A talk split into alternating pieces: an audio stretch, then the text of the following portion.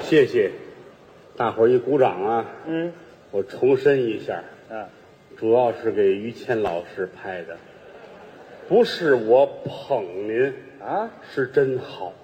那就客气我想了又想，啊。中国说相声里边儿还有没有能跟于谦老师相提并论的？有吗？挑不出来了。这相声界里就没我这么一位了。说相声的没毛病的少，哦，都有点毛病。嗯，所以说能跟您相提并论的嗯，没有。这太难得了我想了又想，啊！只有在古代的贤人里边儿，才能挑出来跟您一样的。哦，拿我比武。比如说，当年呃嗯、东汉有一位蔡伦，我就是发明造纸术的那个。那是高人呢。那是这位跟于老师啊，一样，呵，还有吗？司马迁，写《史记》的。嗯，哦这跟于谦啊，一样。啊什？么身段呀、这是？嗯，表示肯定。哦，还肯定大明朝有一位郑和，下西洋的那个。跟于老师一样。哦，嗯嗯，还有吗？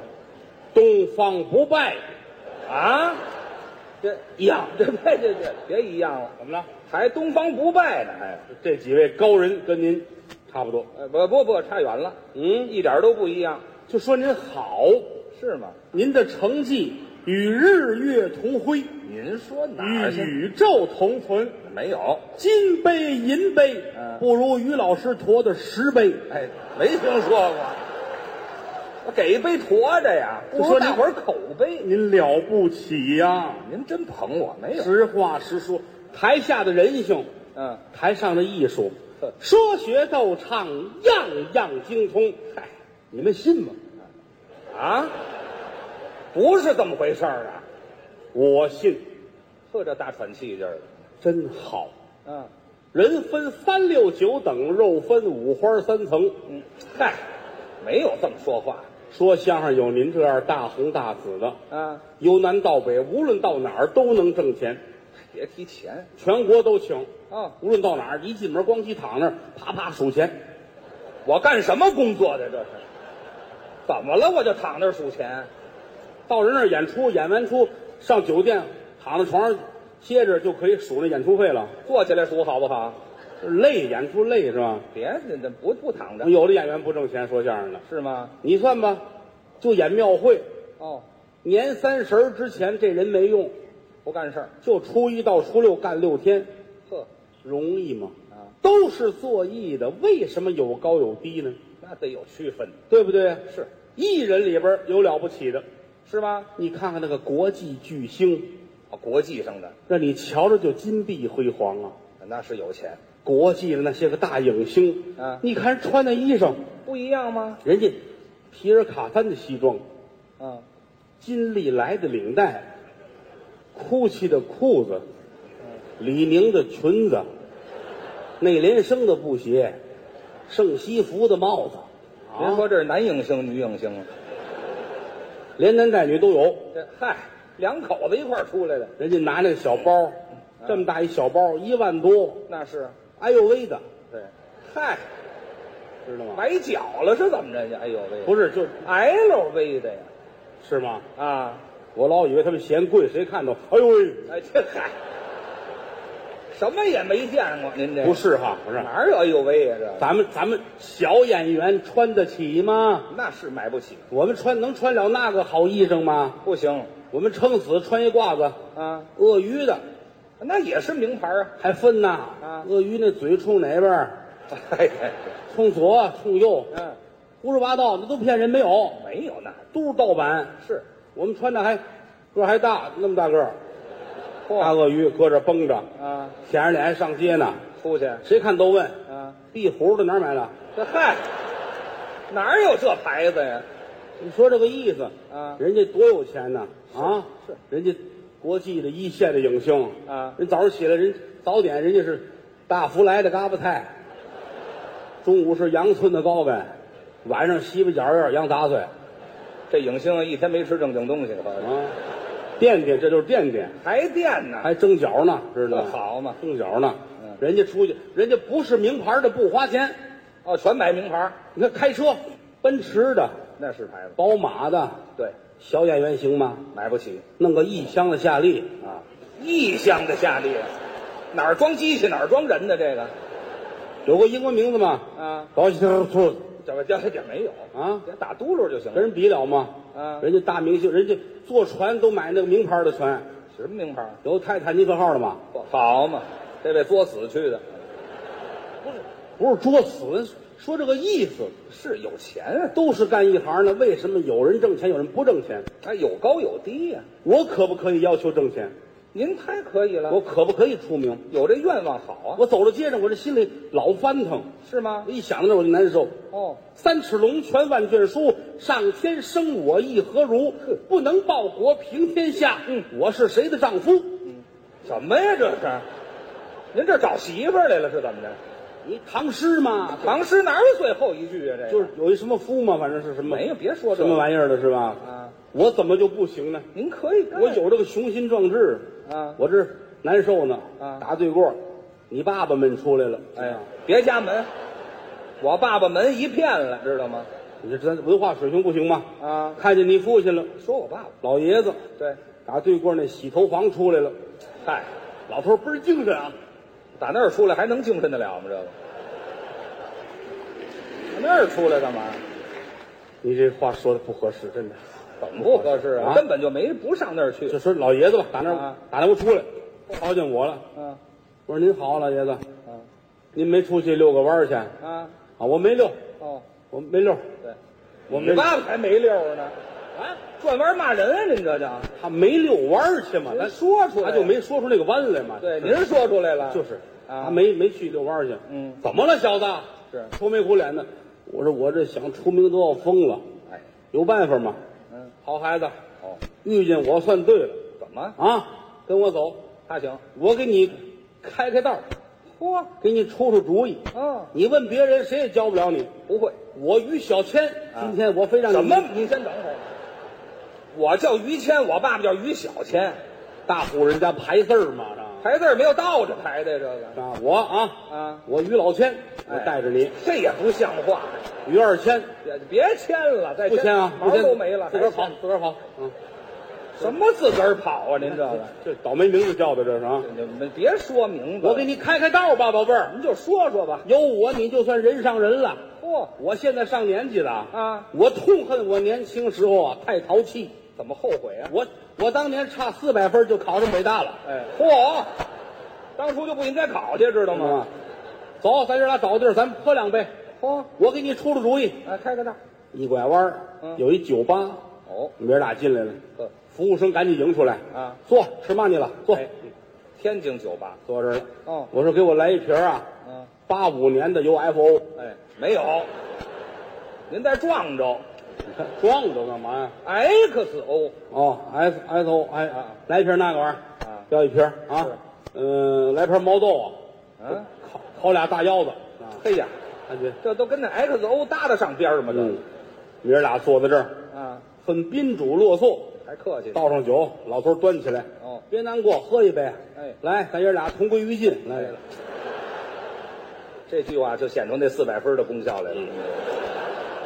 我不太不太明白这个啊。啊，您别别弄这词儿了我说大爷，我这难受，啊，我很想出名啊我怎么能了不起呢？说说吧。您教教我，啊宝贝儿，啊，要出名是，得先出书，哦，出书，要出书嗯，得先出事儿。出事儿。我刚才差点出事儿，对嗨，外边一过警车，又一逮我的呢，哎呦，行我了，钻到那。别说了，丢人不丢人呢？这事儿，我把我这意思一说啊老头儿乐了。嗯，你是不是就假装在你们这圈儿里混啊？对，我说对，就文艺圈儿，啊，别的行都干不了。是这行里边，您给我出出道吧。想想吧嗯我是唱歌去、演戏去、画画去、写书法去，怎么弄？还是干嘛？是，老头啊说这个不好说，怎么一个人一碗饭，啊哦谁知道你哪门擅长啊？是我说这样吧，啊您这些日子不没事儿吗？没事儿，我带着您在我们这行里边转一圈儿，您看一看。您瞧我适合干什么？对对对，正好我这有两张音乐会的票，哦，晚上您给我先看看去吧。听音乐会哼，进音乐厅往那一坐啊人台上的演奏家，哦小提琴哦，演奏啊，正在拉小提琴呢。好啊，坐着吧，嗯，那人家剧场里边连咳嗽的都没有，安静高雅音乐。是，你爸爸看着嗯，不时的还点下头。那是看进去了，嗯，呵，我没想到啊，我听懂了，老头真懂这个。是是是，一个多小时啊老头站起来了，说什么你怎么还没锯开？啊？我当木匠那么看呢，合着，大爷，快走吧，快走吧，快走吧！哎，，对，赶紧走吧，出来他还骂街了，啊哪儿的这是？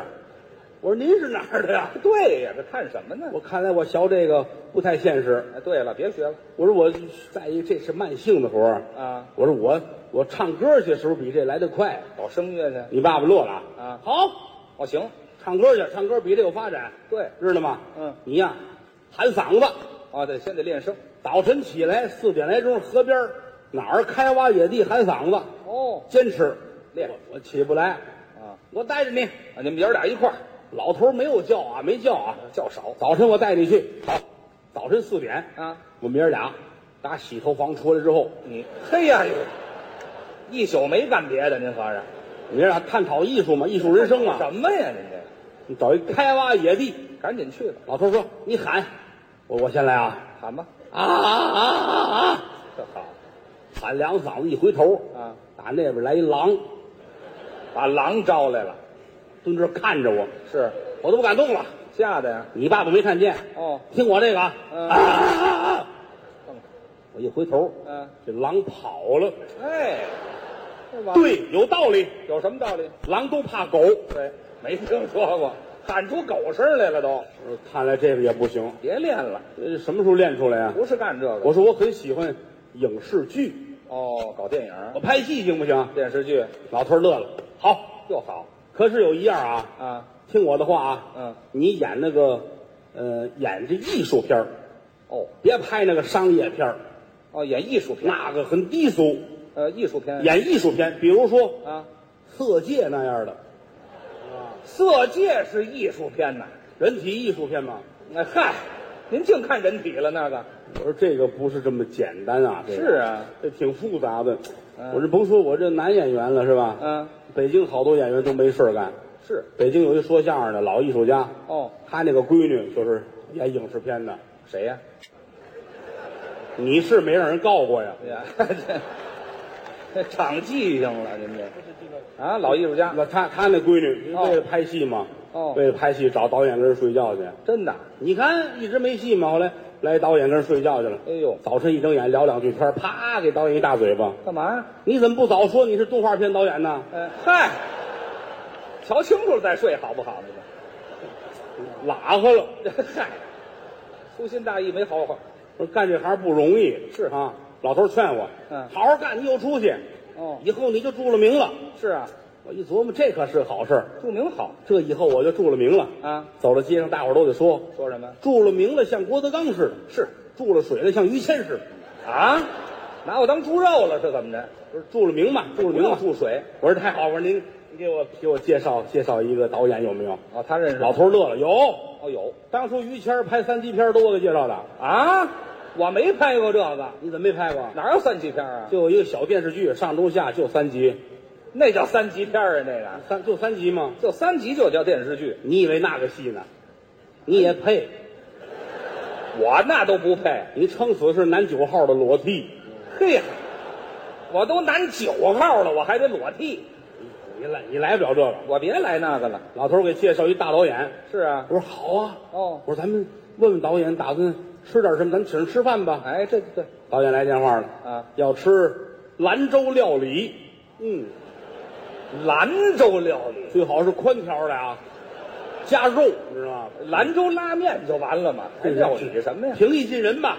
什么平易近人一见面我一瞧，导演太有气质了。是吗？长了一脸的胡子，一脸跟谁说话都撩起来。啊，你好，哎呀呵呵，改西施了这导演，古墓也那样。这别学狗才那样啊哎呦，。我太崇拜你了。啊是啊我，说您怎么这么有气质的？是啊，您有什么秘诀吗？有什么吗？行了，别撩了，说还还得得看见我呀哈。我能有什么秘诀？哦无非是勤奋。客气。我就是把别人喝咖啡的时间嗯用在喝啤酒上面了。嗨，还不如喝咖啡呢。您这个坐着吧，一人一碗，提了秃噜，提秃噜，就吃全吃完了。是我说导演，咱们这戏叫什么呀？哦，咱们这戏呀、嗯，咱们这戏叫，就别撩了，您就说话去。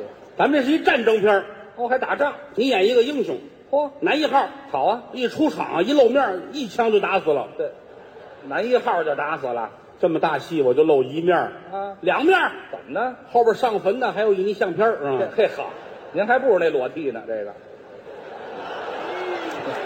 两面还一相片儿，很讨厌这个人，知道吗？废话。他就是羡慕，知道吗？我啊他羡慕我们。我说问问吧，我说这戏很好哈，嗯咱们这个摄像师是哪位啊？是啊，今儿没来，怎么呢？有一婚庆啊，哎，给人帮忙去了。好不到哪儿去。这个我说那咱这这戏这费用呢？嗯什么费用啊？乐呵乐呵得了 啊！一人扛两袋面来，咱们凑够这几天馒头钱，咱们就拍了。没听说过，我一听这是骗子，就是，当时我就急了，嗯我拿手一指他，嗯，我给你滚出去！说反了这个，谁给谁滚出去啊？你们俩，人一着急，嘴不利索，这就别说好不好？说错了。这是回家之后坐在屋里边，我这着急呀、啊，我什么时候能熬出来呀？还得想别的辙。我怎么着才能有名啊？是，我想了几个办法，你猜行吗？您说一说。第一，嗯比如说，我要是骂名人行不行？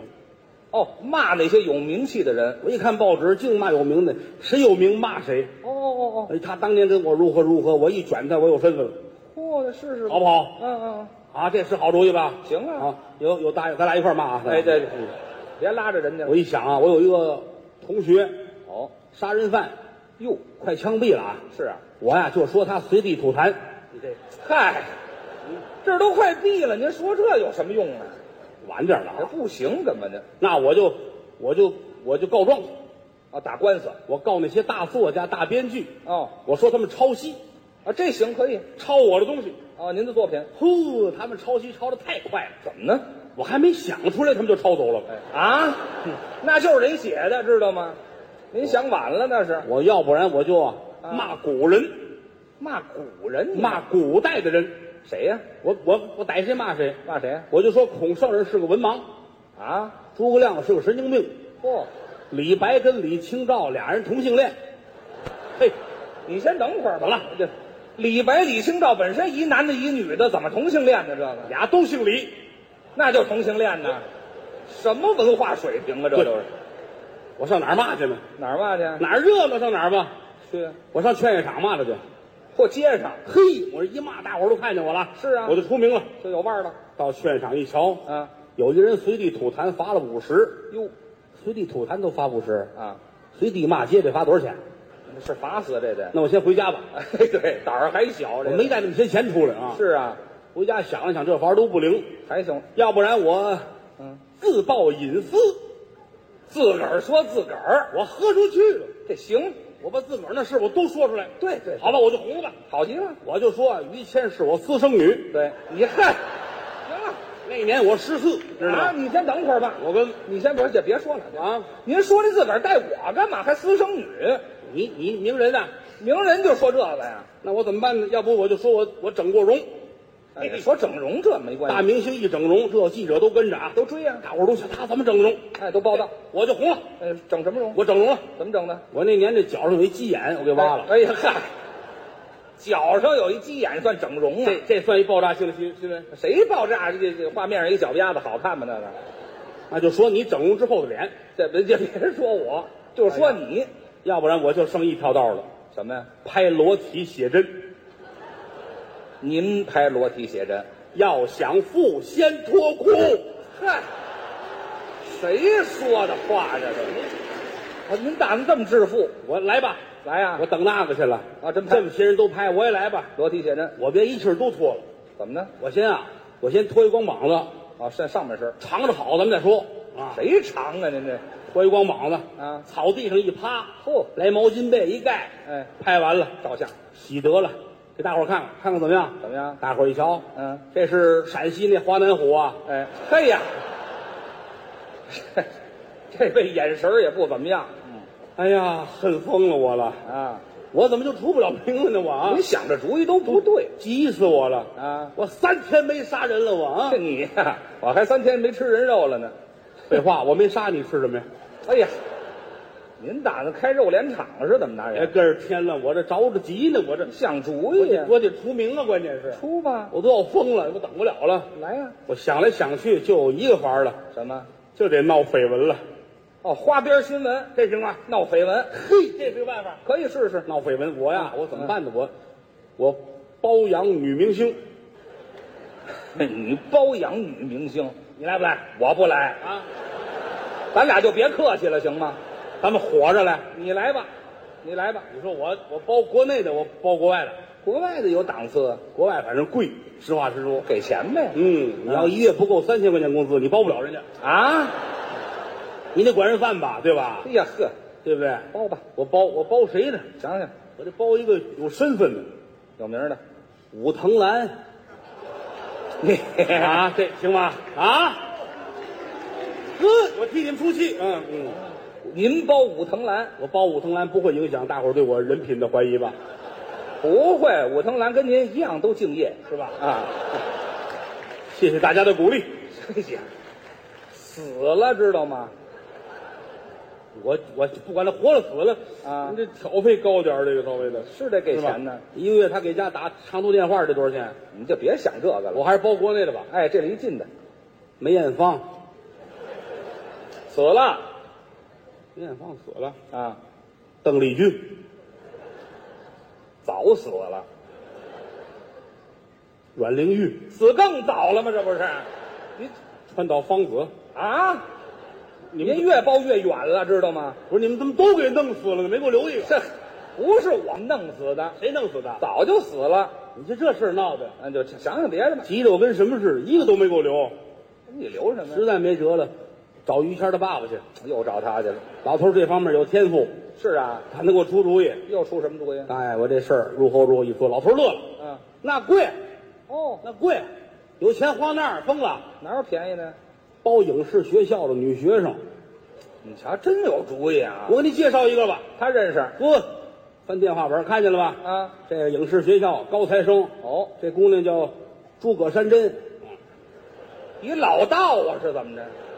艺名人给算的，人给算的，哦叫这名儿大红大紫。是啊，把电话给我了，嚯打一电话，嗯哎，您好，嗯啊， 您是山珍啊，啊， 我叫海卫， 哎对，哎我很想跟您交朋友 就。说那个，呃，于于老天先生叫我找您，还是这名字啊。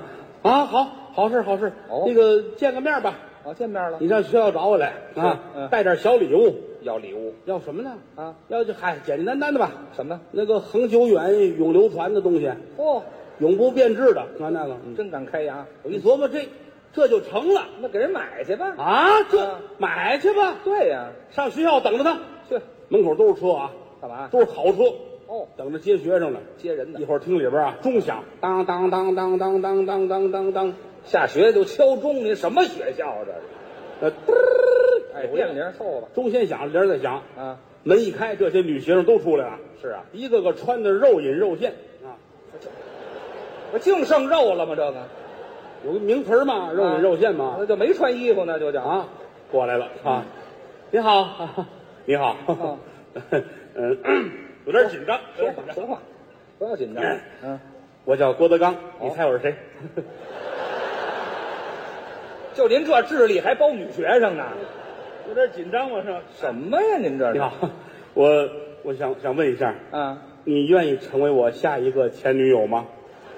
这都什么称呼啊？您这是不就就说这意思嘛。什么？您打是富裕打太大了，知道吗？说头里边儿，说头里边儿啊哦，您等会儿， 哼哦带那礼物了吗？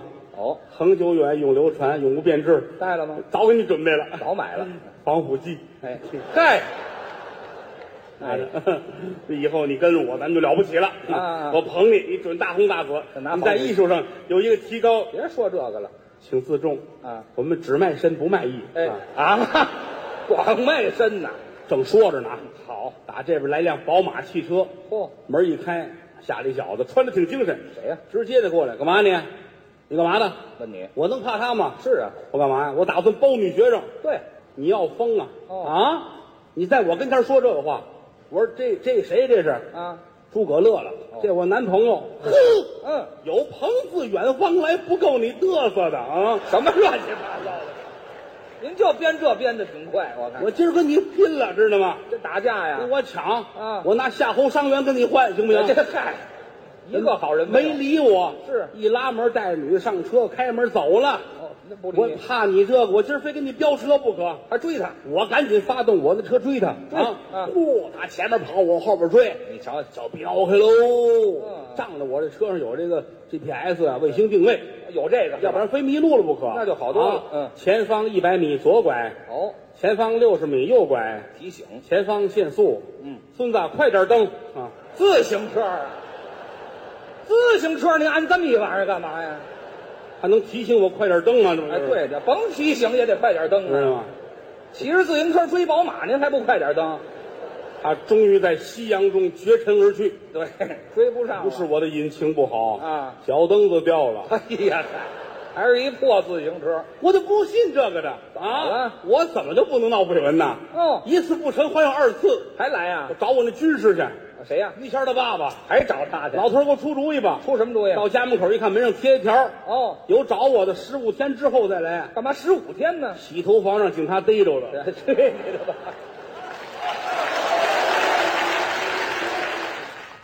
感谢您的收听，去应用商店下载 Patreon 应用城市，在首页搜索海量有声书，或点击下方链接听更多小说等内容。